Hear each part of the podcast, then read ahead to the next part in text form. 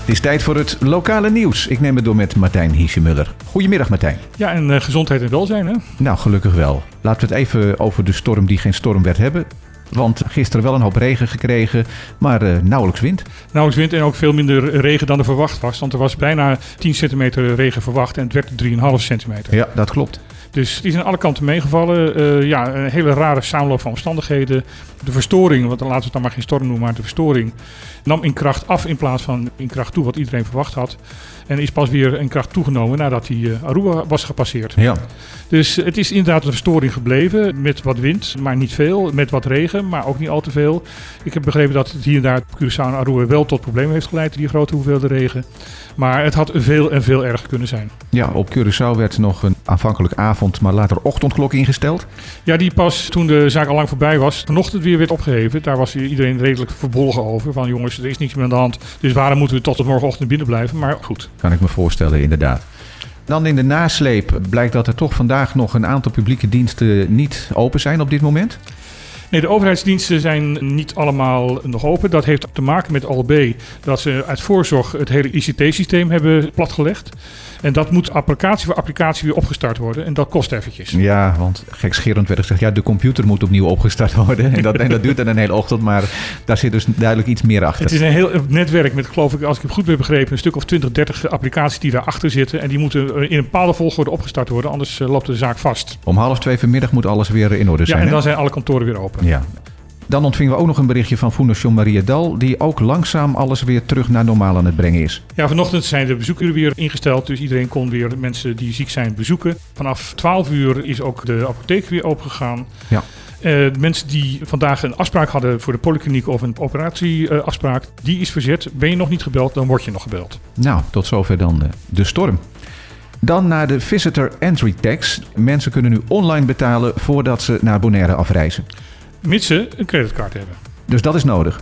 Dat is nodig, want je kan nog niet met een pinpas of met Ideal of met PayPal betalen. Dat gaat wel komen, maar dat kan nog niet. Als je vooraf betaalt, moet je met een creditcard. Dat is voor Nederlandse toeristen een nadeel. Want bijna alle Amerikanen hebben een creditcard, maar in Nederland is het vrij ongebruikelijk om ja, een creditcard dus te hoe, hebben. hoe los je dat dan op als je geen creditcard hebt? Dan moet je toch betalen als je hier op het eiland aankomt. Dat kan dus ook? Dat kan dus ook. Er komt een apart loketje waarbij je dan kan betalen. Dan krijg je je QR-code en dan kan je doorlopen. Het gaat om een bedrag van 75 dollar per bezoeker. Per keer. Per keer dat Bonaire bezocht wordt. Ja. Dus dat kan voor sommige mensen flink oplopen. Ja, als je een gezin met uh, vijf kinderen hebt, dan wordt het een kostbare zaak. Ja. Als ze boven de 12 zijn, hè? want onder de 12 is het 10 dollar. En voor mensen van de voormalige Antillen, dus van de andere eilanden, geldt ook die 10 dollar. Dat klopt. En als je een cedula hebt van Bonaire, dan kan je gewoon die cedula laten zien en kan je gewoon doorlopen. Ja, gelukkig. Dus wij mogen gratis in en uit. Er gaat uh, veel extra geld, dat is toegezegd voor de BES-eilanden, naar de verhoging van inkomens.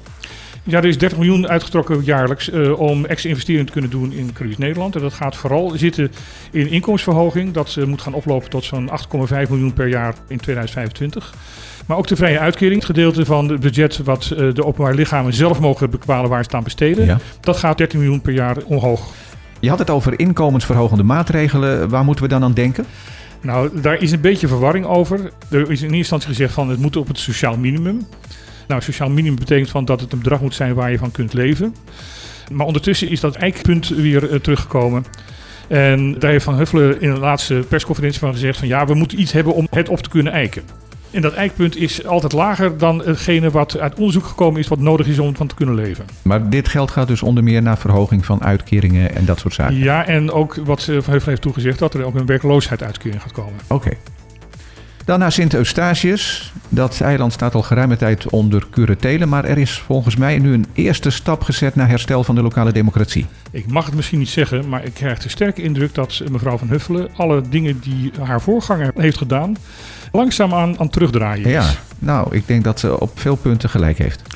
Ja, je mag zeggen dat die ingreep in Sint Eustatius nou niet echt succesvol geweest is, als we het heel voorzichtig uitdrukken. Inderdaad. Um, er is al een verkiezing geweest waarbij de eilandsraad van voor de ingreep in feite compleet opnieuw hersteld is.